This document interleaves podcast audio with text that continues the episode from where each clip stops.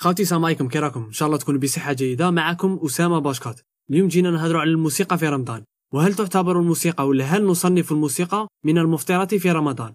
المهم بعيدا عن ما يقوله العلماء واللي هو واضح وضوح الشمس لا داعي إلى تكراره. أن الموسيقى ليست من المفطرات.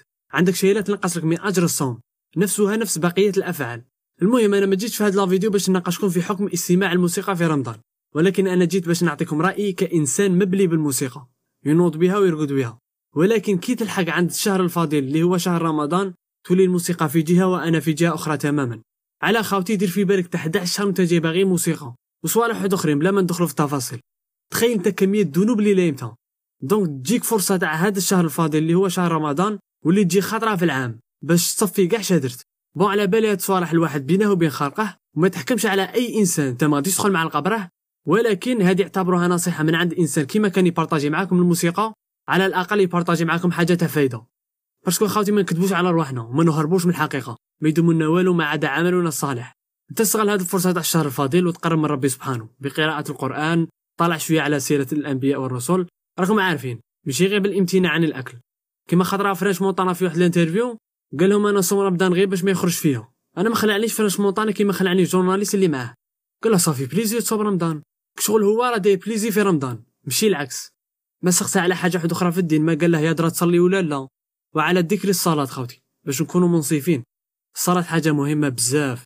وعلى بالي بلي الناس بزاف راهي سامحه فيها. نحكي لكم غير واحد القصة صرات لنا أنا واحد فاميلتي الله يذكرها على خير. خطرة بجمعاني عاقل كان عندنا واحد ال bricole في الدار كنا نبدلوا في واحد البيوت. والحق وقت تاع صلاة الجمعة حنا كملنا الخدمة normal شغل ما صرا والو. الله يغفر لنا وصاي. يعني عاقل خويا الصغير عنده عشر سنين لبس عبايته وجا خارج. وحنا كنا نخدموا في الصالة مقابله الباب تاع الخرجة. قبل ما يخرج شافينا تشوف أخاوتي؟ اللي ما نساهاش واحد الموقف لا يحسد عليه. خلينا حتى خرج فاميلتي شافية؟ قال لي يا درا كي راك تحس في روحك. قلت له علاه. قال لي ما أنا شبانو هو لا.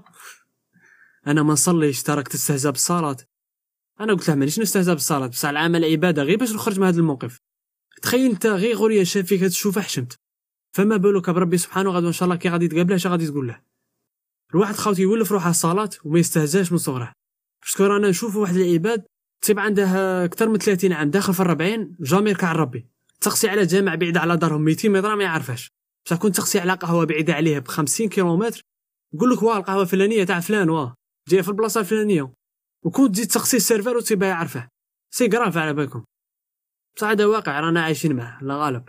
ويليق نتعايشوا معاه بصح الواحد على الأقل خطر على خطره ينصح خاوته. donc كيما كنت نقول لكم خاوتي نصيحتي إليكم. يجب الابتعاد عن الموسيقى قدر المستطاع في رمضان. على بالك كاين واحد العباد غادي تقول لك تسمع على حساب هدرتك الموسيقى تاع ال générique اللي يديروها في المسلسلات الثاني ما نسمعولهاش. شوف أخي ما تخلقش روحك اعذار انت بغينا عنها. أنت على بالك وأنا على بالي. الموسيقى اللي نسمعها انايا وتسمعها نتايا مش كيما الموسيقى اللي يديروها في الجينيريك تاع رمضان. لا راني غلط قول لي. الواحد خاوتي يربح راحته النفسية في هذا الشهر الفاضل ويتقرب من المولى شوية. باسكو أنا بعاد بعاد بعاد بزاف على الدين. ما تحسيش الموت راه غير في درفد بلا توسويس على بالي بلي قاعد تخاف من الموت. المهم لا يطول الاعمار إن شاء الله لفعل الخير وللقيام بالأعمال الصالحة والأصلح لنا ككل هيا خوتي وصلنا لفتره لا فيديو غير حاجة خفيفة ما بغيتش كثر عليكم. وإن شاء الله تكونوا تقبلتوا هذه النصيحة بصدر رحب. دونك ماذا عسى أنا أقول؟ صحة رمضانكم تصوموا بالصحه والهنا إن شاء الله. ما تنساوش تجوا عندنا الانستغرام تضربوا طلا هيا تقبلوا تحياتي. كان معكم أسامة باشكات دمتم في رعاية الله وحفظه. Peace.